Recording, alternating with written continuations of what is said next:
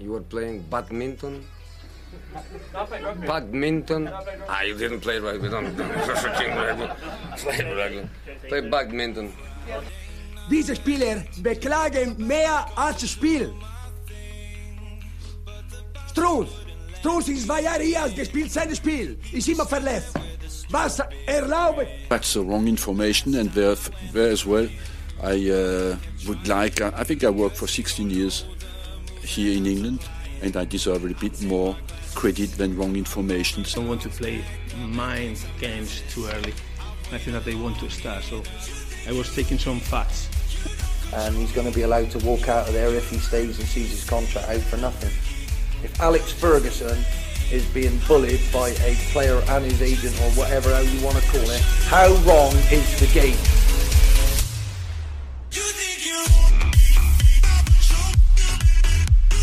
Välkommen, välkommen till det åttonde, sjunde avsnittet av The Throwing Podcast. Idag är det tisdag morgon och eh, som vanligt har jag min eh, underbara sidekick och co-host Daniel. God morgon, god morgon. Idag är det, idag är det lite speciellt. Vi har, haft, eh, vi har varit på bröllop i helgen. Jag har gift mig och det är därför vi spelar in först idag. Ja, det var lite tidsoptimistiskt att tro att vi skulle kunna köra en på torsdag och en, eh, en på söndagen. Så att, eh, ja, det var mycket att göra i, med bröllopet och så vidare. Så att, eh, det var inte lätt att vara um, best man här heller. Så. Det är det inte. Nej. Eh, Men eh, vi hoppar rätt in i det som vanligt. Eh, Vi kommer börja prata om helgens stormatch. Söndagen som vi båda satt och såg. Aningen sega. Men eh, Liverpool-Man City. Det här var ju en match som eh, hade pratats upp ganska rejält inför matchen. Dels med att Liverpool eh, hade vunnit i Champions League mot Man City och i ligan på våren och att Man City hade slagit Liverpool väldigt stort på hösten med 5-0. Det var liksom, eh, liksom, ska någon av lagen rycka lite? Och jag kan inte bara annat säga att det var en ganska tråkig och relativt dålig match med dåligt spel från båda lagen. Mycket felpassningar, mycket eh, konstiga beslut av vissa spelare. Eh, en straff som eh, Mahrez missar fullständigt. Mahrez for Manchester City, left skied it! Eh, och utöver det, ganska platt match.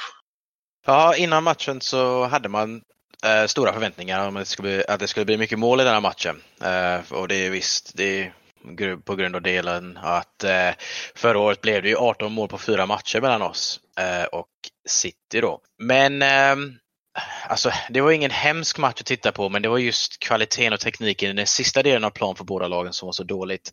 På tanke på vilka spelare som var på topp i båda lagen så var eh, i den sista delen så var det många felpass, felbeslut och ja, som sagt, eh, jag, jag tror själva försvaren och mittfältsduellerna var väldigt, väldigt, eh, väldigt intressanta att se.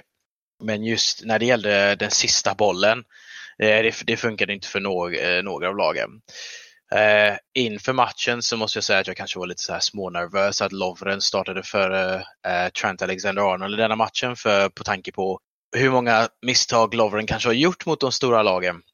Det, dessutom man får lite flashbacks från Tottenham-matchen förra säsongen när han togs ut i halvtid. Då.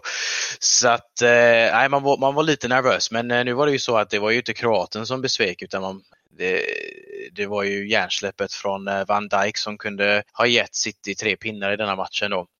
Loven var Eh, ju i stort sett felfri skulle jag säga. Han har satt inte en finger fel.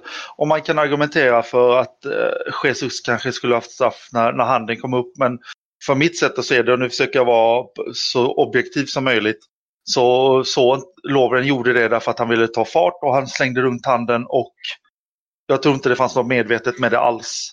Eh, jag, Nej, inte fanns några ju- tendenser från honom tidigare heller. Ja, nej, det, det, det fanns ju fyra straffmoment i matchen. Du hade ju eh, Lovrens på Aguero, du hade Van Dijks handboll och så hade du Lovren på Jesus och sen då den som blev straff, eh, Van Dijk på Sané. Och eh, jag tror att för de som är England-fans så känner man nog igen den här situationen från VM då Kyle Walker slängde upp en arm på, på en spelare och det blev straff. Så att där ser man ju då hur, hur 50-50 sådana situationer är, att ibland så ges de och ibland inte. Handbollen på Van Dijk, den hade varit väldigt hård tror jag. Att han, hade inte, han, han, han, visste inte så mycket om det och det var nästan som Fernandinho. Han fick ju en liten knuff av Fernandinho i, det, i momentet också. Ja, och det såg nästan ut som att han typ putte upp armen så att den hade varit lite hård. Uh, och så den på Agüero då, det är också en sån 50-50. Man kan se att domare kan ge det men samtidigt så känner man i en sån här stor match att utan, utan VAR så känner man så här bara okej, okay, den, den kanske hade varit lite hård att ge men Ja, men eh, den, den, den Van Dijk på Sané den var ju solklar så att eh, den var ju inte så mycket man kunde, man kunde mm, säga nej till. Och det var ett ganska konstigt beslut av Van Dijk att glidtackla i det momentet när boll, det, det är ju högt tempo där så Jesus kommer i hög fart. Han, han har liksom ingen vilka att slå bollen för. Alisson ser ut att ha kontroll. Det fanns ingen annan eh, Manchester City-spelare i straffområdet. Jag kan ju tycka, och det är lätt att säga för mig som inte är i den situationen, att, att bara screena av Jesus och kanske trycka honom ut mot, mot hörnstolp, eller eh, hörnflaggan är ju ett vettigare beslut. Han ligger ju lite efter Jesus och han kanske vill skärma av men, men han gör inte det. Han försöker gå mot boll. När den är på ja. fel sida om honom. Ja, det är, man, man, kan beskriva det som en riktig hjärnsläpp från Van Dijk helt enkelt. En, en som har sett så kylig ut hela säsongen så var det ett väldigt märkligt beslut. Jag tror, sett till matchen så var ju momentet med City just då och eh, Sané kom ju in och han var ju riktigt farlig så jag vet inte, jag vet inte om det var bara så att Van Dijk kände bara att ah, alltså, Sané eh, hotar väldigt mycket så att det blev lite så här, ah, nej jag måste göra någonting.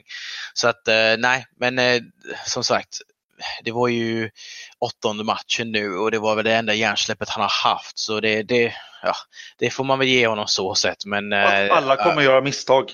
Så att Van Dijk kommer inte vara fri, fri från att göra misstag. Det är bara olyckligt att det sker i ett sånt läge i den matchen och att det blir ett utfall som, som skadar Liverpool väldigt mycket. Nu hade ju Liverpool faktiskt tur att Mares sköt över. Men, men, en sak som jag tyckte var lite intressant i det här eh, var ju Peps eh, kommentar kommentarer efter matchen där han, sa, där han hyllade sin backlinje väldigt mycket. Han tyckte att han hade kontroll. Medan alltså för mitt sätt att se det så tyckte jag att det fanns inte så mycket för dem att jobba på. Jag tyckte inte Liverpool hade några jättechanser egentligen. Alltså, visst, de, de gjorde ett bra försvarsspel men, men under liksom, det var liksom exceptionellt tyckte jag. Varken Laporte eller Stones gjorde gjorde dåliga matcher på något sätt. De var jättestabila och, och sådär, men det fanns ju inte jättemycket hot att ta bort ifrån matchen heller. Nej, det, um, efter att ha läst uh, Guardiolas bok för, för, för något år sedan så eh, snackar han väldigt mycket om eh, dominans och kontroll, att det är typ två olika sätt som han spelar på. Det, det, det, kan man ju se det som att han visar Liverpool ganska stor respekt i den här matchen, att han vet att förra säsongen hade han ju inte ett bra facit mot Liverpool, eh, förutom 5-0-vinsten då, men man, man, kan väl se det som att Mané blev utvisad och, och Liverpool fick spela med 10 man. Men de matcherna som det var 11 mot 11 var ju väldigt svåra för Pep, så att denna matchen så tror jag att han ville vara lite mer konservativ och det fick laget att se lite stabilare ut och så som sagt, kvaliteten från båda lagen anfallsmässigt var ju inte, var ju inte bra. Det var inte det som vi trodde det skulle bli. Jag får ju hålla med Guardiola. De, de kontrollerade våra, våra anfall. Ja, såg väldigt, eh, såg ju väldigt bra ut försvarsmässigt. Så att, eh, jag tror, jag tror efter denna matchen, det kommer nog vara City-fansen som är mest besvikna för att det kommer kännas som tre pinnar som skulle ha haft. Eh, visst, den känslan kommer försvinna efter ett par dagar för att man kan ju eh, före matchen så hade de nog tagit ett kryss i denna. Men City bevisade att man, man är laget som är favoriter för titeln och det finns ingen sån andra säsongssyndrom eftersom man har vunnit en titel, till exempel alla Conte Mourinho då. Eh, och visst, Liverpool har visat och Chelsea har visat att man ligger närmast en utmaning. Men eh, faktum är att Liverpool kom inte ens nära en vinst på Anfield eh, i, i söndags. Och det är lite oroväckande för att nu är vi inne lite på det som jag vill ta upp och det är ju Liverpools anfallsspel och det, det började ju med, alltså säsongen har ju börjat fantastiskt bra. Liverpool är fortfarande obesegrade, de är fortfarande väl med i titelracet. Eh, så att man får ta det för vad det är här, men jag ser ju eh, eh, någonting som, går, som blir sämre och sämre för varje match. Och jag tycker att det som var självklart innan innan med uppspelet genom mittfältet till våra anfallare. Både du och jag satt och frustrerade på att vi spelade långbollar och skulle försöka vinna andra bollar på mittfältet mot ett mittfält som vann. Som, som aldrig vann en andra boll i stort sett från Liverpools sida då. Inte ens när Keita kom in när Milner blev skadad. Och, och jag, eh. tror inte, jag tror inte Klopp eh, vill spela det spelet, men på något sätt så kändes det som att, att idéerna och fantasin lite har försvunnit ur laget i anfallssyfte. Så därför så går man till liksom, någon typ plan B som inte finns. Och, och Klopp, han, han adresserar inte alls det här, varken i, direkt efteråt matchen eller sen i presskonferensen. Jag såg båda nu på förmiddagen. Eh, han pratar nästan ingenting om det och han får ingen fråga om det heller, men, men det är uppenbart att se att vi kommer inte till de här självklara chanserna. Och visst, man det kan vara lite på att spelarna inte är i form. Salah är uppenbarligen inte i form. Man är ju ändå duktig och gjort massa mål. Firmino är kanske inte riktigt lika självklar och, och skarp som man var förra året. Men, men det saknas ju fantasi i anfallsspelet. Även, även mot ett lag som en City som vi ska kunna skapa chanser mot. Vi kan ju göra mål mot alla, det bevisar vi förra säsongen och början på säsongen. Ja, och man får, la man får lyfta fram Fernandinho också. Han, eh, han slukade ju upp vårt mittfält och han, han, han, han spelade ju riktigt fult men han fick ju, han fick ju Mané och, och se frustrerad och eh, kom, han kom inte alls in i matchen då så att det, det får man ju ge mycket credit till Fernandinho då. Jag tror i något podd innan, jag tror inte det var förra veckan, men, men eh, eller det kanske var förra veckan. Jag tror att när vi spelar Milner, Henderson och Wijnaldum så saknar vi mycket kreativitet. Och det var kanske därför vi körde många sådana här långbollar. Visst, nu gick ju ehm, Milner ut då efter, eh, vad var det nu? Hur länge var han inne? Det var inte så länge han var inne. Eh, nej, jag tror han blev skadad i, eh, 30, efter typ en halvtimme eller något sånt där. Ja, 30-35 minuter. Ja, och det var ju, jag tyckte upp till den punkten så låg vi på. Jag tyckte City låg, eh, var väldigt nervösa i början där och jag tyckte som vi hade bra anfallsspel och det rullade på fint. Men sen så gick ju Milner ut då. Och han, Milner tycker jag då bakom Hazard har ju varit en av de bästa spelarna i Premier League den här säsongen. Och då, ja, då kommer jag tillbaka till det här med, äh, med Henderson då. Att jag tycker nästan vi har sett bättre ut när det har varit Milner, Wijnaldum och Keita. Om jag är helt ärlig man får ju nästan ifrågasätta om Henderson är nu en automatisk startare längre. Ja, det, det finns ju frågetecken och jag menar, han har ju, han har ju liksom, man ser ju att han har anammat Gerard, att Gerard har tränat honom väldigt, väldigt väl. I det faktum att han, han står liksom någonstans mellan äh, äh, vet du målvaktszonen, eh, straffområdet och, mitt, och mittpunkten och försöker göra de här högercurvesen in, in i straffområdet. Men, men vi har inte spelare som gör den typen av... Alltså vi har inte de spelarna som, Vi har ingen Giroud på topp. Utan vi vill ha, liksom, när vi spelar som bäst, då spelar vi bollen ut på yttermittbackar eh, som spelar snett inom bakåt, antingen till våra centrala mittfältare eller in mot en, mot en av våra tre där uppe som sen då gör sin magic. Och sen så har du ju då eh, Salah då som överelaborerade väldigt, väldigt mycket hela tiden i denna matchen. Jag tror att hade han inte haft den säsongen som han hade förra året så hade han nog inte varit en automatisk startare för Liverpool just nu. Det fanns eh, ett par exempel i matchen då han försökte alldeles för mycket. Till exempel, jag tror i första halvlek, det var någon boll han fick, han hade ryggen mot Eh, han hade ryggen mot försvararen då. Och istället för att typ släppa enkelt så försökte han en backheel då mot Firmino som blev alldeles för lång men den var väldigt eh, enkel för Ederson att och, och plocka upp. Och sen så var det någon annat moment i andra halvlek då Robertson eh, skickade iväg en boll eh, Salah då som sprang på den. Och eh, istället för att typ vänta upp vänta upp några spelare eller försöka skära sig in så försökte han, försökte han med ett skott då som gick alldeles för högt över. Så att just nu känns han som, ja, förra veckan kunde man säga att han hade eh, dåligt självförtroende framför mål. Just nu så känner jag att han är nästan desperat och eh, visst, man, som storlag måste man ju göra det här lilla extra på topp för att försöka låsa upp ett försvar men jag tyckte han, han försökte alldeles för mycket. Och eh, ja, eh, det är ju Huddersfield borta i nästa match. Det kanske är ett bra läge att liksom bänka honom bara för att eh, han är inte i form just nu och han, han måste jobba sig in i laget igen. Jag har tänkt lite på det här och det, jag läste en artikel som, som, som styrkte lite om min, det jag tänkt innan eh, som jag väl, eh, liksom, som jag ska försöka förtydlig, ty, förtydliggöra för er. Och det, det är ju liksom att, att Salah är ju ingen 40-målsspelare. Han har aldrig gjort det tidigare än förra säsongen. Det var ju en exceptionell säsong där bara allt föll på plats. Men, men tittar man historiskt på Salah så kanske man ska vara nöjd att han gör någonstans mellan 15 och 20 mål per säsong för Liverpool. Problemet är att nu när han har gjort 40 mål plus på en säsong så blir ju det den nya standarden när vi kommer in den här säsongen. Istället för att man ser det som en avvikelse så blir det en normalitet. Och både vi som är Liverpool-fans och andra som tittar utifrån och liksom på Liverpool och på Salah då kanske har satt alldeles för höga förväntningar. För kommer vi i slutet av maj och han har gjort en 20, runt 20 mål och kanske lika många assist för att han ligger ganska högt på assistlistan. Eh, då har han ju ändå gjort en bra säsong om man tittar på liksom övriga säsonger. Sämre än förra, men den var exceptionell.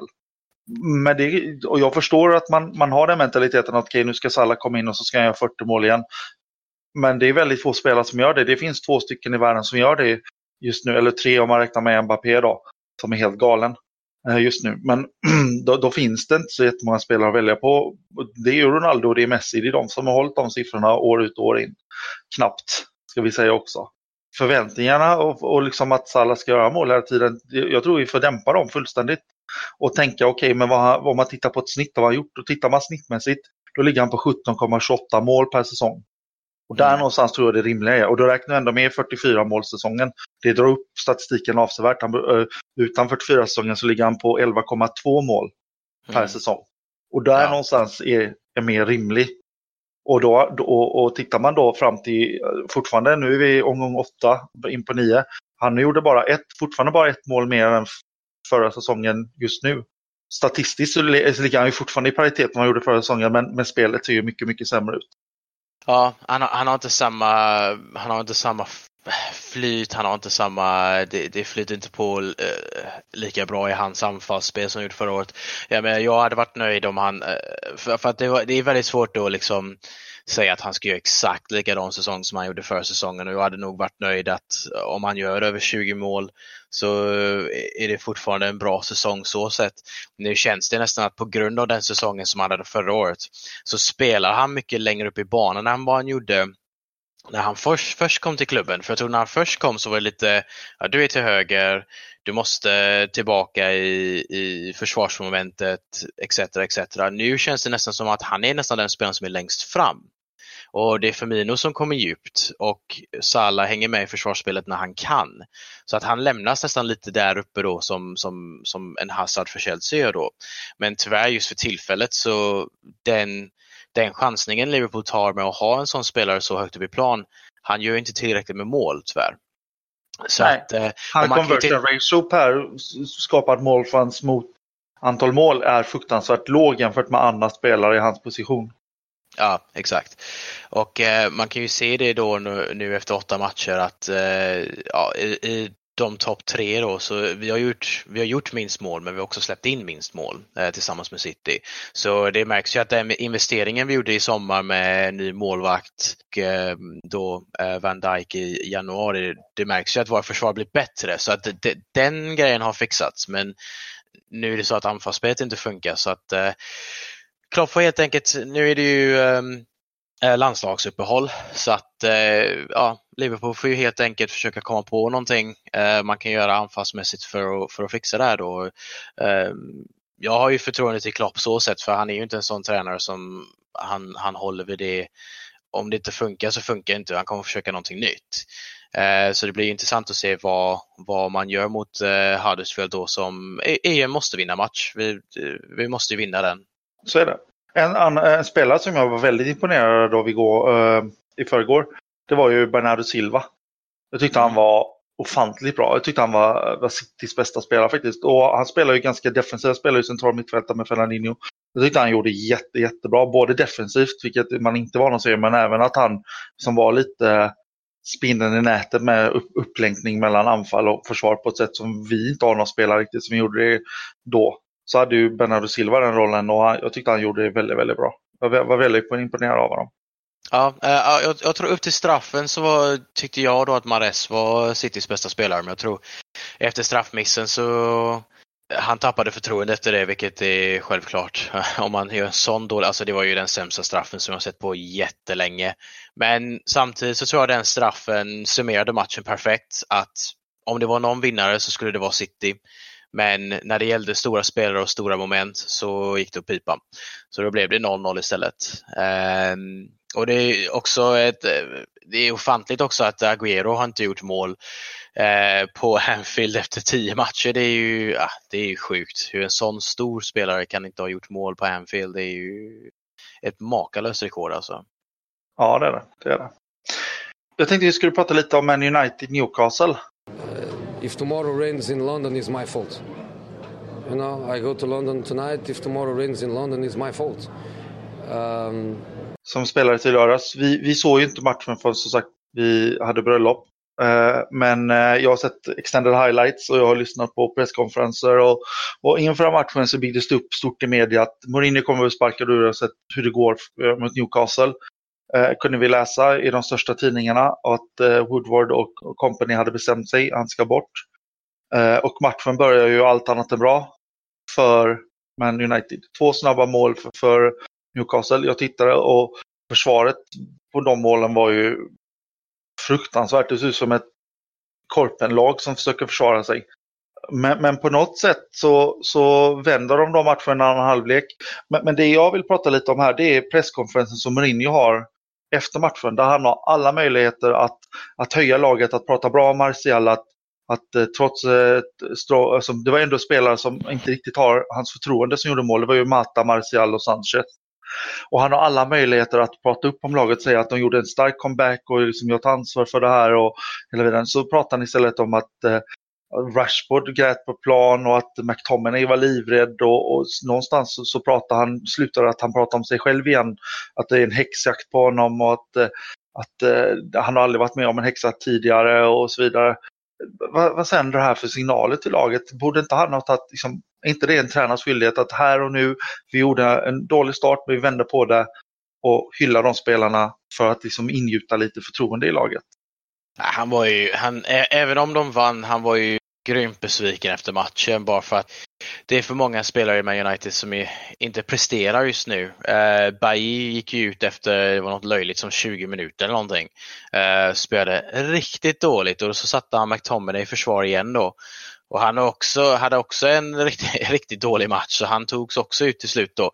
Så att nej, det var, det var ju förvånansvärt att se Newcastle leda 2-0 in i paus och kunde till och med lett 3-0 om det inte var för de Gea på eh, motor då. Så att det var ju, ja, det var ju säsongens största chock hittills att de låg eh, 2-0 upp och hade nio skott på mål när de har kanske typ klarat av sju över en hel match eh, tidigare i säsongen. Så att någonting stämde inte där.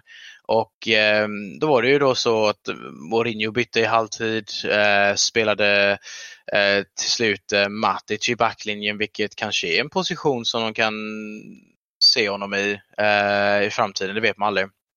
Men det var ju Smalling, Pogba och eh, Matic i backlinjen och eh, ja, det, jag, jag, tror det var briljansen från Mata som fick dem ur denna situationen då och sen så Sanchez gjorde ju eh, eh vinnarmålet till slut också. Han som tydligen inte gillades av Mourinho till slut. Men ja, det, det, är så mycket som inte stämmer med United just nu och det känns det, det, det finns för många eldar för Mourinho att försöka äh, dämpa för tillfället. Och eh, ja. Och hade, hade, han inte, hade han inte kunnat liksom sätta ett, ett, liksom en filt över alla de här bränderna genom att bara liksom säga skitsamma hur det gick i första, vi vände och vann och det visar stark karaktär av laget och liksom bara hylla spelarna eh, liksom utåt. Sen internt kan han göra vad han vill med dem. Men liksom utåt att bygga bilden att det här var liksom startskottet för nu, nu hittar vi liksom nu hittar vi liksom gemenskapen här, laget tillsammans vända den här svåra situationen Martial gjorde en jättebra match, eh, gjorde inte en bra match men när, liksom, när vi som mest behövde honom så, kom, så tog han liksom sitt ansvar. Eller Sanchez kom in och liksom, gjorde det bra för oss. Och Matt, alltså, fantastiska fötter. Alltså, han kunde kunnat ändå liksom byggt upp någonting för att ge laget lite mer självförtroende. Nu kändes det mer som att han tyckte att de hade tur att de vann och var fortfarande var missnöjd. Vilket han absolut har rätt att tycka kanske men jag menar just med att bygga det här vi mot dem-känslan som man är så bra på egentligen. Mm.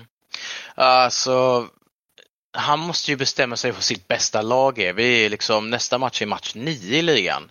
Och det känns som att han fortfarande inte vet vilket hans bästa lag är. Vilket är ju sjukt. Det är, jag, jag kommer inte ihåg en tidpunkt då Mourinho inte vetat vad hans bästa lag är ser man till statistiken, liksom, de har ju släppt in 14 mål. Det är ju mer än Newcastle har släppt in. Och det är ju sjukt i sig. Så att, eh, Det är väldigt sjukt. Ja, det, det säger ju att eh, försvarsmässigt så är de inte tillräckligt bra, men samtidigt så hur, hur många kombinationer har inte han kört i försvaret hittills? 13 mål framåt, det är ju samma som Everton till exempel, så att eh, anfallsspelet kan väl vara bättre, men de kan ju göra mål, så att det är inte det, det utan det är, det är den defensiva solidariteten som behövs i det laget och som sagt, tills han spikar ett lag så kommer det vara så här hela säsongen för United-fansen. Det kommer ju vara en eh, jätteberg och dalbana. Och de är ju redan sju poäng bakom eh, City, Chelsea och Liverpool som det är just nu. Eh, Så någonting måste ju fixas, annars så kommer de vara det laget som, som tappar ur eh, topp fyra denna säsongen. Ja. Eh, Om man tittar lite mot New- Newcastle då. De kom med ett lag, de spelar 4-4-1-1. Eh, Moto kom in från start, tror jag va? Ja, det gjorde han. Mhm. Gjorde mål. Kennedy gjorde en bra match, gjorde mål, var nära på ett mål till. Men på något sätt så faller de ihop och förlorar den här matchen. Och Benitez var ju minst sagt frustrerad efter matchen. Han tyckte att de absolut kunde ha med sig en poäng åtminstone. Eh, men jag tycker ändå någonstans att det var ett litet ett steg framåt för Newcastle om man ser på hur matchbilden har sett ut innan. Här valde han en lite mer offensiv eh, uppställning än vad vi såg när han, de spelade borta mot, vad var det City de spelar borta mot, tror jag. Eller om det var Tottenham borta. Och det lönade sig. Så eh, det känns ändå som att Benitez trots allt, alltså Benitez har hittat sitt lag från skillnad då till, till Mourinho. Jag sa ju förra, eh, förra podden då, då snackade vi ju ganska mycket om Newcastle och eh, då sa jag att mot de stora lagen så förlorar de ju hela tiden med uddamålet. Det var ju 2-1, 2-1, 2-1, 2-1 mot de stora lagen som de förlorade mot och nu var det 3-2 då, så, men det är fortfarande uddamålet som de förlorar med och då har de ändå så varit i, i situationer där de kunde ha tagit poäng. Nu är väl detta en sån match som man skulle tänka sig att de inte skulle egentligen ta några poäng ifrån i vilket fall. Men det blir ju det blir ju hur kommer de spela mot de, mot de sämre lagen? Det är där Newcastle och Benitez kommer dömas och det blir intressant att se för jag tror att trots denna förlusten så kan man ta väldigt mycket positivt och att eh, vissa spelares prestationer höjts lite. Men eh, nu gäller det liksom eh, mot eh, Brighton, Brighton. hemma i nästa, Brighton sen- hemma nästa match. Precis. Det är ju en sexpoängare för dem. Och de måste ställa upp mer offensivt för de har ju bevisat att de kan ju göra mål. De, de har gjort sex på åtta så att det är okej, det kan ju vara bättre men eh, jag tror rent lagmässigt, tränarmässigt så ska de inte vara där nere för jag tror nog nästan lag som Fulham och Southampton har inte presterat så mycket bättre än vad Newcastle har gjort. Så att eh, nej, eh, sex poängar mot Brighton då eh, blir en stor match för dem. Motor känns ju gjuten där framme nu. Alltså jag tyckte han var mycket, mycket mer rörlig och mycket bättre än vad Juselo eh, har varit de, de matcherna han har spelat. Eh, och med Ayos Perez som en släpande. Det, det verkar vara eh, en vinnande metodik för, för Benitez. Och Motor som är då ny också. Det känns som att han ska starta nästa match igen. Ja, alltså jag tycker att ehm, um, Joselu har väl eh, inte varit så, han har varit eh, helt okej faktiskt om jag är helt ärlig. Men, men Muto visar ju mycket energi, att han är lite så här småättrig så att eh, ja, nej det blir förvånande om inte han startar nästa match. Eh, precis, precis. Och, och tittar man då, nu, nu har ju Man United ett ganska tufft schema. De senaste nästa tre matcherna. Det är Chelsea borta, det är Juventus hemma och Everton hemma. Det känns ju som att eh, liksom kniven på supen är ju fortfarande lite på Mourinho men, men samtidigt att, att det finns ingen självklar person att steppa upp så han, han lever ju lite på det också. Ja, eh, jag, är, jag är ganska övertygad om att hade de tappat pinnar i den matchen, eh, kryss eller förlorat, så han hade nog fått sparken. För att eh, landslagsuppehållet hade ju kommit ganska lägligt. Det hade gett en tid att liksom eh, hitta en tränare, någon som skulle kunna komma in. Eh, Men nu vann de ju matchen, så att, men det, det, det, det är fortfarande massa frågetecken där. Och eh, jag håller inte, jag håller inte med att det är, för han sa ju att det var en manhunt då efter matchen. Det tycker jag att eh, han, han har ju själv satt sig i, det här, i den här situationen. Och Alltså jämfört med Wenger förra året så är ju detta ingenting. Nej, e- e- exakt. Och, ja, Woodward eh, kommer nog inte göra någonting just nu, men som sagt, eh, det, det, det är en ganska stor månad för, för, för Man United nu framåt och man har ju Chelsea borta nästa match. Men ett eh, positivt resultat där kan ju se Mourinho lite, lite säkrare, men det är ju, ja, det är ingen lätt match eh, på Stamford Bridge nästa. Verkligen inte. Nej. Verkligen inte. Du, Bournemouth, de seglar upp något fruktansvärt just nu. Ja, ett av eh, Premier Leagues mest ojämnaste lag som kan gå och förlora 4-0 och sen vinna 4-0. Det, ja, det, det summerar upp dem i ett nötskal kan man ju säga. De ligger sexa i ligan just nu. De Mm. möter ett Watford som trots att de eh, har spelat lite sämre de senaste två, tre matcherna ändå har varit ett lag som eh, har varit up och liksom verkligen kört igång ligan starkt. Men här spelar man ut dem fullständigt. Eh, visst, det är, det är ett rött kort på Cabalese i, i 32 minuten. Men, men då, då står det ju 1-0 och, och, och Bournemouth har liksom spel mot ett mål fram tills dess. Ja, det, det, blev ju, det blev ju ras efter det. Jag tror, ja, det, det hjälpte inte situationen, men Bournemouth ska ha credit för sitt anfallsspel. Och de, de spelar riktigt bra. Alltså jag njuter varenda gång jag ser Bournemouth spela. Och eh, visst, inför den säsongen så tänkte jag bara, ah, nej, men det kommer, bli en, det kommer bli en tuff säsong för Bournemouth igen den här säsongen. Men eh, nej, det går undan. Det går väldigt undan. Eh, de är ju extremt snabba i sina omställningar. Eddie Howe tycker jag verkligen hittat det där omställningsspelet som vi nästan bara såg från Liverpool förra säsongen. Granted eh, att Wilson och Fraser, Brooks och King kanske inte är några Firmino, Mané och Salah, men det behöver inte vara. För de levererar ju ändå ju. Och sen har man ett mittfält med Lewis Cook, den gamla Le- Leeds-talangen och Lerma som de tog från eh, Ja, nu tappar jag det helt var han kommer ifrån. Men, Levante var det va? Eller? ja, just det. Ja. Så det. Ja. Tack. Eh, han är ju colombian, Mhm. spelar i VM. Och b- han, bra, bra spelade en riktigt, ja, han spelade en riktigt bra match. Alltså, han var ju bland Ja. en av de bästa mittfältarna denna, denna helgen. Eh, och nu har man slått Watford, så nu är det bara City och Tottenham de inte har slått i Premier League. Jo, tot- Nej, precis. precis. Helt det är de riktigt. enda två lagen. Ja. Och de har aldrig förlorat mot eh, Brighton, Cardiff, Leicester och Swansea. Så att de har bra facit i Premier League. Nu hade de ju en tuff andra säsongssyndrom då, men eh, de lyckas komma ur den. Och är ju ett väldigt etablerat Premier League-lag. Och på tanke på vart de var för fem år sedan och resurserna, stadiumet, spelarna de har egentligen är ju inga så här jättestora världsnamn. Så att nej, det är riktigt Mm. Och- och- imponerande. Det som jag är väldigt imponerad av det är ju att det pratades då när, när de gjorde en första bra säsong i, eh, eller i Premier League. Andra säsongen så var det ju kämpigare som vi, som vi har nämnt tidigare. Man pratade om liksom, ska Eddie Howe kunna liksom, sätta ihop mittfält, äh, mittförsvaret? För det, för, för, det var ju egentligen försvaret som var liksom lite av det negativa i, i Bournemouth. Eh, han har ju knappt ändrat någonting. Eh, visst, de har tagit in Begovic.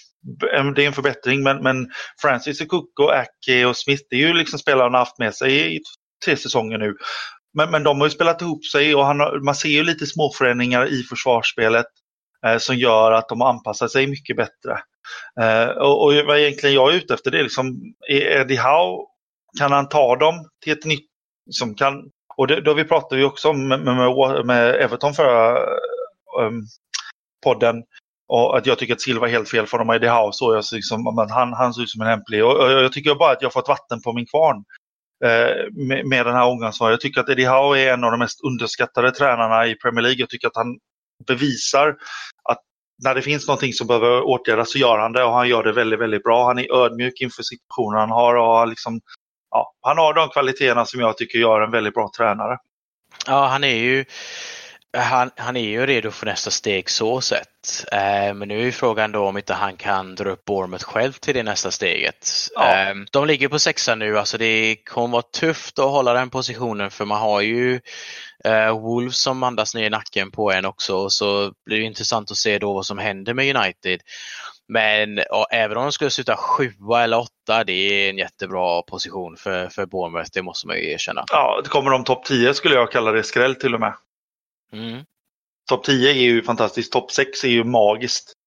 Eh, För det är ju, alltså topp 6 då pratar vi liksom lag, liksom Arsenal, Everton, Man United. Alltså det är ju lag som hamnar där runt omkring, med, eller Tottenham då, liksom, i och med att vi har så många bra lag just nu i, i Premier League. Mhm. Så det, det är ett verkligen ett starkt betyg. Men det är kul att se. Det är kul att se att det kommer liksom lag och, och du kommer prata lite om det lite senare. Men, men jag tänker vi går igenom eh, matcherna, de övriga matcherna lite snabbt bara. Mhm. Då hade vi ju Brighton West Ham på fredag. Där Brighton var. Glenn Murray gjorde mål igen. Det var väl inte helt otippat. Brighton är bättre på hemmaplan, kan spela mycket stabilare och spela sitt spel. Och eh, det är där man tar poäng för att hålla sig kvar i ligan och eh, ja, vann övertygande och ganska enkelt mot West Ham. West Ham hade inte mycket att sätta emot där. Mm. Sen hade vi då Burnley Huddersfield. Mhm. Där vi kanske på förhand tänkte att Burnley skulle kunna ta tre pinnar ganska lätt. Eh, sen var också det mål tidigt i matchen också. Det, det kändes som att de hade ändå rätt bra play. Alltså rätt bra koll på laget. Men så kommer Huddersfield och gör ett mål med sin tysk Schindler på en fast situation. Och så är det 1-1. Ja, det, det är ju lite av en jojo-säsong för Burnley så att eh, ja, man, man, det var väl tänkt att man skulle ta tre pinnar i denna matchen men eh, Huddersfield eh, krigar till sig en pinne och går upp på 18 plats.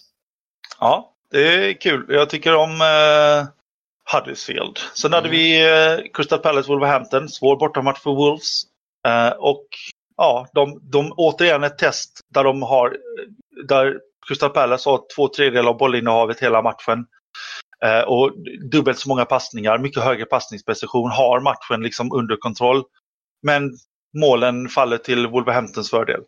Ja, de visar sin eh, defensiva solidaritet igen. Eh, spelar ju nästan som ett eh, topp 4-lag i försvaret just nu. Hade man haft bättre kvalitet där framme, de hade kunnat varit längre upp i tabellen. Jag tycker de har Försvaret funkar, mittfältet funkar, anfallet kunde varit lite bättre men man är på sjunde plats och eh, förhandstippen, tipsen att de skulle ligga topp 10 den här säsongen ser ut att vara ja, sanna. Jag tycker Ryan Bennett gjorde en... Han är jätte, jättebra. Ja, ju- just nu så stä- allting stämmer för dem. Bennett som har ju varit i Premier League innan och det har varit ganska tufft för honom. Ser ganska hem, han, han ser ganska hemma ut i en, i en back, eh, back tre, back fem. Jag vet inte hur du ska förklara det. Men, Ja. eh, och sen Men en, tre, en trebackslinje så blir det fembackslinje när de är förs försvarare helt enkelt. Ja, och så Doherty då som är ju så här lite otippat. Jag tror han har typ två assist och ett mål nu de två senaste matcherna. Och, eh, och så inlånet av Jonny på vänstern. Eh, det, det ser väldigt stabilt ut och man har ju en världsklass målvakt i eh, Rui Patricio också så att eh, försvarsmässigt så stämmer det eh, för dem just nu och de, de ligger ju fyra i eh, minst insläppta mål också. Det är ju bakom City, Chelsea och Liverpool. Så Ja. det, det är ju starkt jobbat. De behöver bara göra lite mer mål för de har ju gjort eh, typ lika många mål som Brighton. så att, Ja, alltså, men jag, jag tycker det att det är liksom, det är ju anfallet där det behövs lite mer jobb eller det kanske är bara rent enkelt att de kanske inte har den, den kvaliteten. Jag tycker de, de slösar ju ganska många chanser så sett. Eh, från Palace eh, point of view då, svagt. Svagt att förlora den matchen. Det, det var en måste-match för dem och eh, det ser tufft ut för Hodgson just för tillfället för att eh, han verkar inte ha svar på det här med anfallsspelet just nu och det är ju även med Zaha i laget. Så mm. ja, vi får se. De, de börjar glida lite för långt ner nu. Eh, ligger på 14 plats och eh, nu är det ju bara tack vare att Huddersfield, Newcastle och Cardiff inte har presterat än.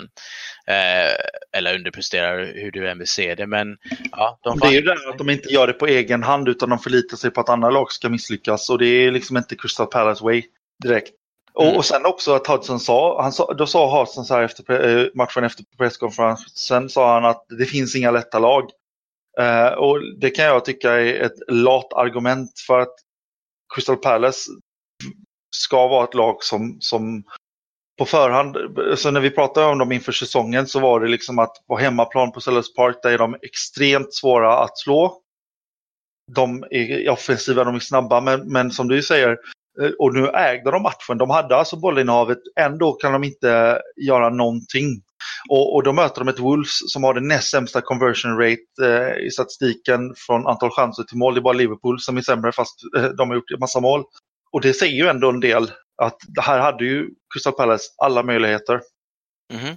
Ja, det blev... Det Det, blev det, det, ja, det, det är inte krisen för dem för de har ändå så plockat upp sju pinnar men eh, Mm. eh, det är ju ingen lätt match borta mot eh, Everton men Everton har ju visat att man är lite så här småojämna men det känns som de börjar komma igång nu Mm. så att eh, Ja. Jag tänkte precis att vi skulle prata om dem. När de mötte Leicester borta, också en svår bortamatch på förhand. Mm. Med ett Leicester som har gått bra sista omgångarna. Dels med vinst borta med Newcastle, vann i kuppen mot Wolverhampton och slog Huddersfield. Så de hade ju så de hade tre raka vinster och kom in starkt. Men, och sen började det då med, Richard Leeson gjorde ett fint mål med underbart förarbete av Bernard som startade första matchen från start. Eh, sen eh, lekte Pereira med, med Evertons eh, backlinje och gjorde 1-1. Fantastiskt fint mål. Sen blev West Morgan utvisad. Och sen då Gulfi Sigurdsson som vi har pratat väldigt starkt om senaste eh, avsnitten gör ett helt makalöst mål. Först vändningen som är magisk, lika simpel som magisk. Och sen det skottet. Eh, Michael har, han hänger ju i tvätt liksom. Nej, alltså det, det finns mycket positivt eh, att snacka om eh, Everton tycker jag. Och jag kommer eh, att äta upp, äta upp mina ord känner jag med att Silva inte är rätt för Everton för nu börjar de, nu börjar de tugga igång igen. Eh, sådär som man vet att Everton kan, kan göra. Ja, för nu kommer inte jag ihåg om det var en konversation som vi hade på podden eller om det var utanför podden, men jag sa någonting i stil med att jag tror Richarlison kommer spela på topp i nästa match. Jag, det mm. kanske inte var i podden faktiskt. Nej, det var inte podden, men jag minns att vi pratade om det. Och för att jag sa det att Bernard kom ju in i eh, ligacupen och spelade bra, så jag sa att det kommer vara väldigt förvånansvärt om han inte lirar i nästa match och då sa jag att då kanske det blir ett bra läge för Richarlison att spela på topp. För jag tror när, innan han kom till Watford så var han ganska eh, så fast som en anfallare i eh, Fluminense tror jag han kom ifrån. Ja, det stämmer att han var anfallare en gång i tiden. Och vi, jag tror även jag sa att ja, men då kan lika Walcott spela på topp och så Richard Leeson på en kant. Men du bara, nej, det blev nog Richard Leeson på topp och du hade rätt där. Det ska ja. Och nu kanske det är så att det är lite så här lightbulb moment då liksom att ja men okej okay, det här laget kan nog greja saker framåt och det kan jag nog nästan hålla med om. Det, jag tyckte, ja, så så här, vi har snackat om Sigurdsson, hur han har hittat sin form nu och nu, nu har han verkligen kommit igång och han, han ser ju ut som den nyckelspelaren för Everton just nu. Jag tyckte Zoma kom in och spelade riktigt bra eh, och kan nog kan nog vara en fast spelare för Everton. Jag tror att han kommer inte platsa i Chelsea. Eh, så om det är något mittenlag som han skulle kunna gå till så Everton kan ju vara ett permanent hem för honom. Och sen så hade vi då Bernard som spelade riktigt bra, så han skapade så många lägen för, för Everton så att det här kan nog eh, vara något för Everton framåt nu. För det var ju lite så med Bernard att när, när, då när han spelade i, i, i Brasilien så var ju han liksom the next, liksom the next golden boy om man, om man ska säga så. Mm. Och så var det så här, Shakhtar gick han ju till. Det fanns ju andra klubbar i Europa som ville ha honom, både i Spanien och, och Italien bland annat. Eh, och något lag i England, jag minns inte riktigt vilket. Men, men, eh, och jag tror även Tyskland var lite och pillade på honom, några tyska lag. Men då valde han Shakhtar och man tänkte det var ett väldigt konstigt beslut, Shakhtar. Liksom. Men okej, okay, de har stark tradition av team brasilianer och de har bra scoutingnätverk och sådär. Och han gjorde väldigt bra i Shakhtar. Och så då gick hans kontrakt ut och så var man så här, undrar var han ska gå nu. Men då var ju intresset betydligt mycket svalare för honom. Så jag, mm. tror, jag tror Everton kan ha gjort kanske till och med sommarens klipp här. Om, Bernard, om, om det här är Bernard vi kommer se eh, matcher, alltså vecka ut och vecka in, då, då har de ju en guldklimp utan dess like. Ja exakt och nu känns det som att eh, helt plötsligt har Everton mer eh, options också. Det känns som att ja, men då kan man ju spela Bernard på vänstern och kanske någon match så kan ju Richarlison spela på höger och så kan man spela Tossen på topp beroende på olika matchsituationer. Så det känns nästan som att Everton har ju fått ut en, en liten plan B också vilket kan vara hjälpsamt i framtiden då. Ja, och Leicester då på andra sidan. Madison gjorde en ganska dålig match för utbyt. Iheanacho kom inte upp. Ricardo Pereira gjorde en väldigt, väldigt bra match, men i övrigt, visst, det är klart att, att slutet på matchen här färgades av West Morgans andra gula utvisning. Men eh, det är ändå fram till, fram till, ändå, fram till 63 minuten, utifrån det jag såg, så var ju ändå Everton det laget som, som, som var de bättre av de två i fallet av West Morgan så tror jag detta kan nog vara början på slutet för han. Eh, han har ju plockat upp eh, ett par röda här nu och eh, det hjälper ju inte Claude Poels situation. Eh, man, man, tycker synd om honom, om, om tränaren, för det är liksom, han tar eh, två steg fram och ett tillbaka hela tiden och det ser man ju i tabellen också. Åtta matcher, fyra, fyra vunna, fyra förluster. Så att eh, det blir bara att köra igen för honom då eh, nästa match mot eh, Arsenal borta.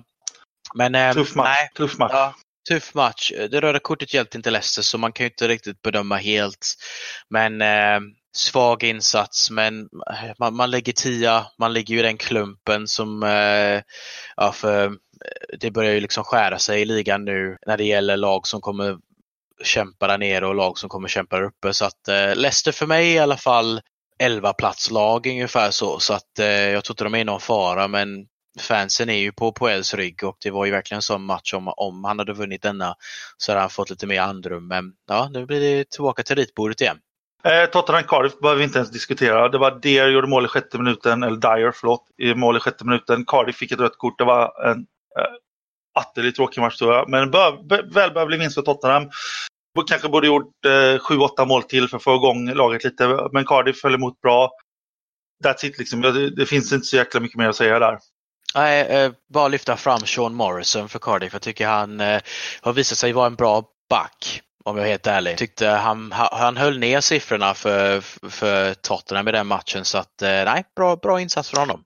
Ja, och Warner tyckte straffen var felaktig. Men det, det är som det är. Ja. Eh, Fulham Arsenal, London Derby. Trodde på förhand att eh, vi pratade lite om det vi såg matchen. Vi, vi tänkte att det här kan bli en väldigt intressant match. Och visst, första halvlek var ju av och till lite grann. Schüller gjorde ett snyggt mål där, men sen i andra halvlek så visar ju, visar Arsenal vad de faktiskt kan. Eh, intressant var ingen Özil med i laget. Jävlar vad snabbt de spelar fotboll utan Özil. Jag, jag vill inte säga något för liksom bärs Özil. Jag vill bara säga att, att det här är andra matchen utan Özil och när de inte har Özil på plan så är det ett eh, otroligt snabbt lag. Med Iwobi och Mkhitaryan på kanterna och sen då Lacazette och Welbeck. Och sen har de ju fördelen att kunna ta in Aaron Ramsey som klackar in mål och Aubameyang som bara glider igenom och gör två mål och en assist. Ja, ja det ser ju ofantligt bra ut för Arsenal. Jokanovic behöver göra någonting nu för att nu börjar det rinna ifrån lite här. Efter två matcher i ligan så var det ju många Arsenal-fans som tänkte på men vad fan har vi fått för tränare här? Nu är det nog de som har det största smilet just för tillfället för att eh, sex raka vinster i ligan. Och eh, som jag sa då när de eh, spelade Lacazette och Aubameyang då att ja, men nu har de ju fixat ett partnership på topp där som kan nog funka riktigt bra. Det funkar utomordentligt bra alltså. Vilket anfall de har fått nu med Lacazette och Aubameyang. För det är, ja, i, i 2018 så är det liksom 14 mål, 4 assist för Lacazette och 14 mål, 4 assist för Aubameyang. Det är liksom, det är ju sjukt anfallspar de här två man, man, kan lyfta fram Mustafi som också får mycket, mycket kritik genom hela säsongen. Han hade faktiskt en riktigt bra match i den matchen. Och jag är inte hans största fan eller någonting, men han höll ju Mitrovic väldigt tyst och Mitrovic har ju visat att han har bra statistik i ligan och är väldigt målfarlig. Så där ska man ju lyfta fram honom också, men Nej, Arsenal har kommit riktigt igång och de, de smyger ju in här bakom nu. De har ju 18 pinnar och ligger på fjärde plats. Så de, de ligger ju där i topp och eh, det blir en intressant battle mellan dem och eh, Tottenham som ligger på lika poäng. Ja. Eh, men det, det är ju svårt att se typ lag som Man United hur de ska kunna typ eh, presterar lika bra när det, när det flyter undan för, för, för detta Arsenal nu då. Och eh, ja, nej, jag, jag, tycker det ser bra ut. Jag, jag har aldrig haft, jag, jag, sa det i början av säsongen, man måste ge Emery minst åtta matcher för att se vart ligger Arsenal som lag. De ligger fyra. Arsenal-fansen ska vara mycket nöjda med det. Ja. Eh, fun fact, vet du när senaste gången Arsenal spelade 4-4-2? Senaste gången? Ja, innan den här matchen. Vet du senaste gången eh, Arsenal spelade en 4-4-2-uppställning från start och höll i den? Hela matchen. Det, det, det måste ju vara Invincible-säsongen när de hade... Ja, nästan. Inte riktigt så långt tillbaka. Men det är 2013, september, bortamatch mot Chelsea. Då spelar de 4-4-2, eller Wenger startar med 4-4-2 och avslutar matchen med 4-4-2. Okay. Så att det är ändå fem år sedan. Och innan dess då så spelade han ju 4-4-2 med frekvent. Så gick han över till den här 4-2-3-1 taktiken. Och, och det, det, är, det är rätt häftigt ändå. Att, att de inte spelat 4-4-2 som är Liksom när man tittar på laget, nu känns det ju helt uppenbart att det är 4-4-2 som är den bästa uppställningen för dem. Ja, alltså jag tror inte det är 4-4-2 i det traditionella senset. Så jag tror den Invincible-säsongen var ju lite mer, den var ju nästan självklar 4-4-2 eh, som de spelade. Jag tror denna är lite mer eh, asymmetrisk. Så att, eh, men det, det, är ju klart att eh, Aubameyang och Lacazette spelar som anfallare. Sen så har man spelare som kan liksom, eh, försvara sig lite mer som ett 4-4-2, eh, tajta linjer och så vidare. Och Xhaka får vi ge credit where credit's due. Jag vet att både du och jag bärsar på honom, men han gjorde en väldigt, väldigt bra match mot, mot Fulham i, i söndags. Mm. Ja, nej, jag tyckte han var okej match. Jag, jag, tycker han ser mycket bättre ut bredvid Torreira, eh, som är ju en, en lysande värvning helt enkelt och han, han var alltid nyckeln när det gällde defensiva stabiliteten. Så att, eh, och det verkar nästan som ytterbacken har fått lite, lite mer street sense när det gäller att gå upp i anfall också. De ser inte lika gung-ho ut. Så att eh, nej, det, det, det, ser bra ut för Arsenal och eh, som sagt fansen ska vara mycket nöjda med, med den starten ja. som man har gjort. Och Rob Holding håller Sokratis utanför laget och jag är inte alls säker på att eh, Koscielny när han kommer tillbaka, om han kommer tillbaka till sitt forna jag, att han har en självklar plats i laget. Med tanke på hur det ser ut med Mustafi och Holding. Ser väldigt stabilt ut. Eh, sista matchen vi ska prata om och det är ju Southampton-Chelsea. Det var väl ingen som på förhand trodde att Southampton skulle ha någonting med det här att göra och eh, de avfärdades ju ganska snabbt också. Hazard, vad ska man säga, magisk som vanligt. Hela, en väldigt, väldigt stabil insats av Sari. Uh, som var lite missnöjd, konstigt nog, efter matchen med att de släppte till alldeles för mycket. Danny Ings hade ju en jättechans från två meter. Uh, och det var ytterligare en match, uh, eller situation som var ganska nära. Men, men, på det stora hela så var det liksom ganska självklart vem som skulle vinna den matchen.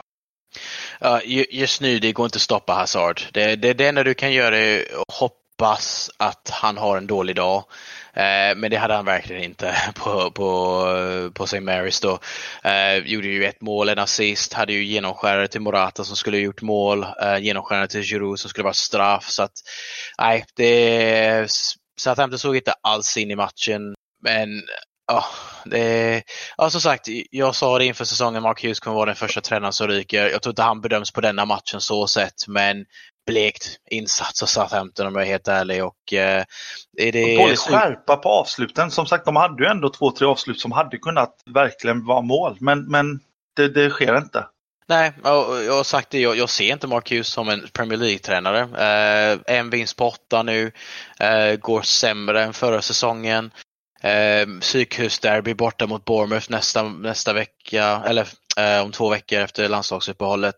Och det kan vara spiken i kistan tror jag. Om för Bournemouth med deras anfallsspel, nu är de ju väldigt ojämna så sett, men jag kan inte se något annat än en vinst för Bournemouth. Eh, Southampton kommer kriga hårt tror jag. Eh, och antagligen packa mittfältet och försvaret i den matchen, men ja, jag, jag tror det blir spiken i kistan på Hughes om jag är helt ärlig. Ja, jag har inget annat än att jag håller med dig. Mm. Du eh, Daniel, nu ska vi gå över till någonting helt annat eller going over to something completely different. Mm. jag skulle vilja prata om Monaco. Okej, okay, kör du. Ja, Monaco då, om vi tittar på förra säsongen så slutade de tvåa i ligan. Viss, visserligen 13 poäng efter Paris, men liksom ändå en självklar tvåa. Gjorde väldigt bra, spelade bra i Champions League också. Slut med en City, håller på att säga, gjorde de inte alls det. Det var förra säsongen där innan. Men de gjorde ändå liksom en bra säsong förra säsongen. Den här säsongen så går ju allting annat än bra. De ligger alltså under strecket just nu i talande, när vi talar. De ligger alltså på 18 plats. De har, på nio matcher har de vunnit en, spelat lika tre och förlorat fem. Och eh, om man tittar på spelarna de har tappat då inför säsongen så är det ju Mbappé, för han försvann ju förra säsongen men de fick pengarna den här, den här sommaren. De tappar Lemar, de tappar Fabinho, Terence Kongolo, Gesal, Miete. Diakby, eh, Diakaby, Moutinho, Keita Balde. Så liksom, visst, det, det, är stora namn som, som de tappar. Men de har likväl spenderat eh, över 100 miljoner pund på spelare som Golovin, eh, Benjamin Heinrich, Goebbels, eh, Aloho, eh, Nasser Chadli har de tagit in, de har tagit in Barecha, de har tagit in eh, Sir som var väldigt, väldigt bra eh, i Troje och sådär. Men, men de faller som en sten. Jardim har inga svar. Nu senast mötte de eh, Rennes hemma och förlorade. Övertygande förlorade de. Eh, och folk eh, i upplösningstillstånd, det är kaos i Monaco. De har ingen aning vad de ska göra. Och, och laget är... De, det talas nu om att, att eh, Jardim kommer få sparken. Men, men eh, som det ser ut just nu så finns det alltså en risk för Monaco att åka ur ligan. Vilket man absolut inte ens hade på tanken. Och det är ju helt, det är helt sjukt. Det är det sämsta laget. Eh, det är det laget som har tagit minst poäng jämfört med förra säsongen av alla lag i topp 10-nationerna. Och det är ju ingen smickrande statistik. Mhm. Ja, nej. Eh, det, det luktar lite så här Leeds-stuk över dem eh, när, de, eh, när de hade det tufft eh, efter de hade sålt med några spelare. Så att, nej, det, det är tufft för Marco. Jag tycker de, de spelarna som har släppts eh, nästan en eller två för mycket. Och eh, ja, det laget som fanns i Champions League och spelade så bra eh, finns ju inte där längre. Så att, ehm, eh, jag tror alltså det blir ju väldigt svårt att se dem åka ur Liga men ehm, nej, det, det, är ingen lätt säsong för dem. Och det, blir, det gör ju bara saker mycket enklare för, för Paris då som till och med vann 5-0 mot eh, Lyon häromdagen. Mbappé gjorde fyra mål. ja, jag såg faktiskt höjdpunkterna för den. När jag såg resultatet så tänkte jag bara nej, det här, det här måste jag se då. Och uh, nej, Mbappé är ju ja, det är han som kommer ta manteln ifrån Messi och Ronaldo när de väl lägger av. Så att uh, nej det, ja. det gjorde saker mycket enklare för, mm. för Paris. Men det, som Monaco gör verkligen inga dåliga lag. Alltså, de har ju ändå Glick, Emerson, Raji, de har CDB, Juri Tillemans, de har Benjamin Heinrich som är liksom en av, varit en av Bundesligas bästa spelare de senaste säsongerna. Golovin som kanske var en av VMs starkaste lysande spelare. De har Radamel Falcao som ändå liksom är liksom hemma i, sitt, i sin sin hemmaroll liksom, när han gick från Atletico Madrid och gjorde det jätte, jättebra där. Och på bänken har de liksom också, de, liksom, de har ju väldigt bra spelare men det, det, ingenting stämmer. Och, och... Nej, men det, det, tycker jag inte är förvånansvärt heller att det inte stämmer. För det är många, där är det ju inte kvaliteten på spelarna som det är fel på. För det, de har ju definitivt kvaliteten och inte vara där de är i ligan just nu. Nej, nej, men... jag bara menar liksom att Shadim borde ha liksom, alltså någonstans, det, det här blir ju lite som att man tar ut en pjäs och ersätter den med en ny, men, men det borde ändå finnas ett grundspel som är tillräckligt bra som gör ändå att det inte fallerar så här lätt. Men liksom, jag ska inte, jag ska, självklart, jag säger inte att de kommer åka ut ligan, men, men det ser verkligen inte bra ut. Nej, det ser inte bra ut och visst, det, det, det, det finns ju en spelarmodell i, i Monaco helt klart, men eh, som sagt, det, är svårt att få in alla dessa spelare från olika spelnationer och kunna komma in och spela direkt så som man vill. Så att jag tror det är ju liksom en sån transition-period för dem, eh, mycket så som det var hos, hos Arsenal och nu, visst det har ju stämt mer för Emery för han har ju, han har ju fått den här ehm, han har ju fått det här ögonblicket då någonting stämde i en match och så har han fortsatt så. Eh, Jardim har ju inte fått det än. Han har inte fått den här matchen där det är liksom, han har, han har typ rört om grytan så pass mycket så att ah, nu, nu spör vi dem 4-0. Okej, okay, det här är mitt lag som jag vill fram med. Han har inte fått det momentet. Eh, så att eh, det, det, det, kommer tror jag, men det, det, tar ju, det har ju tagit lite längre än vad jag tror um, Monaco-fansen har velat att det skulle bli. Onekligen. Vad, mm. vad vill du prata om? Eh, jag ville prata om England då. Det, det är någonting som jag har velat prata i podden eh, i ett tag nu men jag har inte lyckats kunna klämma in den än. Men ehm, för nu är det ju landslagsuppehåll så jag tänkte att ja, men nu är det ju perfekt moment att prata om England då. Landslaget då pratar du om eller landet England? Eh, landslaget. Eh, det finns ju mycket så här och ja, Eh, det har ju precis varit VM. Eh, England kom fyra kan du väl säga att, eh, eftersom vi förlorade eh, tredjeplatsen mot Belgien. Eh, det var ju en väldigt lyckad VM för England och förra landslagsuttagningen så var det ju så då att Southgate ville ju belöna de spelarna som gjorde så bra i VM med en plats i laget även om inte de var startare för sitt, för sitt Eh, lag i Premier League så skulle, vill han ändå se de chanserna och ah, nej men nu ska vi rulla ut med det här tåget som gick i VM och gjorde det så bra så att de kan hyllas. Vilket jag tyckte, okej, okay, det var ju Nations League så vad spelade det för roll så sett men det tyckte det var, jag tyckte det var väldigt eh, schysst av honom att göra så för att eh, man ska klart ha credit för det. Eh, man kan ju säga att ja, visst England hade den enklaste eh, schemat till, eh, till tredjeplatsen men det spelar ingen roll. Det finns inga lätta lag. Man måste slå det man har framför sig på plan så att eh, det är fortfarande bra gjort av England tycker jag. Eh, så nu kommer vi till det här eh, landslags, eh, landslaget som man har tagit ut nu, vilket ska vara framtidslaget om man säger så. Och eh, det var ju mycket snack om då spelare som inte spelar för sitt klubblag i England. Eh, det har varit eh, diverse radioprogram här i England, vilket ett av dem fick jag eh, en av mina tweets uppläst i radio då. Eh, samtalsämnet var Ska det finnas några regler i Premier League när det gäller kvotan av engelska spelare i lagen? Och eh, då nämnde jag då att jag tyckte så som man har det i Tyskland är så jag hade velat ha det i Premier League.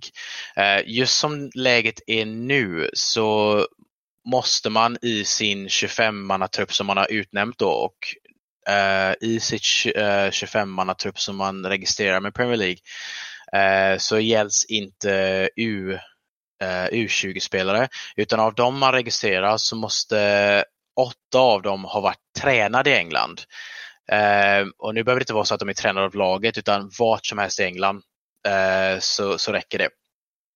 Och Det tycker jag är en ganska lös regel. Jag tycker inte det hjälper det engelska landslaget så pass mycket. Och Om man då går över till eh, Tyskland då som har lånat lite regler från Champions League där fyra av ditt registrerade 25-mannalag måste ha tränats av klubben så har man ju dessutom den åtta regeln att eh, ja, åtta måste vara tränat i nationen. Men man har dessutom att sin registrerad 25 som man skickar till Bundesliga så måste 12 av de spelare vara tyskar. Och det tycker jag är ett system som skulle kunna funka i England eh, när det gäller liksom att fylla ut truppen. För det betyder fortfarande att du kan spela 11 utlänningar om du vill i laget. Men eh, dina, din, din trupp kommer ju vara till stor del tyskt. Så att eh, jag tycker det är en, en regel man kan införa i Premier League och det skulle gynna eh, landslaget mycket mer för att just som läget är nu måste de yngre spelarna söka sig utåt för att få en chans i landslaget. Och den, det, det största exemplet jag kan ge är Jadon Sancho som har, eh, som har fått uppkallningen till landslaget nu. Eh, Jadon Sancho som är 18 bast spelade i eh, Manchester City Eh, för några säsonger sedan. Eh, valde då att eh, flytta till Dortmund förra året eh, för att han visste själv att jag kommer aldrig få en chans i Manchester City. Eh, jag vill inte lånas ut utan jag vill någonstans och jag vill till ett lag där jag kommer få en bättre chans att spela. Och vilket bättre lag än att spela för Dortmund. Det är inget litet lag ehm, och jag tycker det visar bra karaktär på, på Sancho. Jag tycker det, det ger andra engelska unga spelare chansen och liksom, ja men Sancho har gjort det, han har gått till Dortmund, spelade en säsong ehm, eh, lite i deras spellag, lite på bänk och så vidare. Men nu, har ju, nu är han ju nästan självklar i det laget och har sju assist i sitt namn. Och han har ju uppkast i laget. Du har Mason Mount som har fått sitt första också. Han är utlånad från Chelsea till, till Derby och har gjort det riktigt bra. Och sen då James Madison som jag sa då själv att jag blir jäkligt förvånad om inte han kommer bli uppkallad i landslaget och nu har han ju fått sin chans. Och det betyder ju då tillsammans med Trent Alexander-Arnold att det är, det är ganska många tonåringar i det här laget och det har blivit grymt mycket, mycket yngre. Eh, jag kan ju läsa upp eh, landslaget som vi har ju tagit ut då eh, här i England. Så du har målvakt har du Bettinelli, Butlen, McCart, och eh, Pickford. Fråga mig inte varför vi har fyra målvakter. Det, jag har ingen aning. Eh, jag tycker det är lite en för mycket då. Eh, du har ju Trent Alexander-Arnold, Joe Gomez, Harry Maguire, Danny Rose, Luke Shaw som har tyvärr blivit skadad nu men nu har Ben Chilwell kommit in så det är också en ny ung spelare. Eh, Stones, Tarkovsky. Tarkovsky blev också skadad så han har ersatts av eh, Louis Dunk från Brighton. Trippier och Kyle Walker. Och sen i mittfältet har du Barkley, Chaluba, Deer, um, ehm, Henderson, Mason Mount, Harry Winks. Och anfallsmässigt så har du Kane, Madison, Rashford, Sancho, Sterling och Welbeck. Då.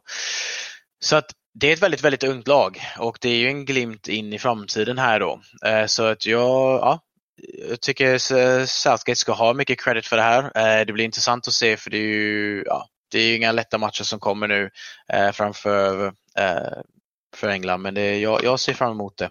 Men tror du, om, om nu England har tagit Nations League på större allvar än vad de faktiskt gör, hade de hade fortfarande varit de här unga spelarna som kommit in då? För att jag, jag får intrycket av att, att eh, ni är så pass säkra att ni kommer ta er vidare i gruppspelet, att, att Nations League blir, även om det ska vara främja och ta bort träningsmatcher, och det är liksom en, en andra biljett in i ett slutspel så att säga, så känns det inte som att England tar tar den biten speciellt allvarligt för att ni är så säkra på att ni ändå ska ta er in.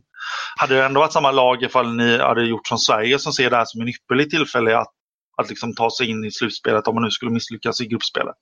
Jag tror Saltgate har sagt det att man, man, måste, man måste spela matcher för att vara med i hans eh, laguttagning. Så att det finns ju vissa spelare från VM som inte skulle platsa då. Till exempel Loftus Cheek eh, och, och, så vidare som inte spelar för sina lag för tillfället. Jag tror att hade man chansat så mycket på unga spelare, kan, kanske inte.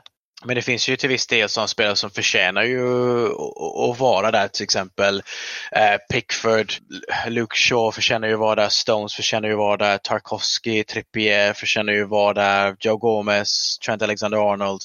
Så att det är ju spelare som förtjänar att vara i det laget. Sen ser det ju de här experimentala då, till exempel Wings kan man ifrågasätta ifall han ska vara det. Har han spelat tillräckligt med fotboll?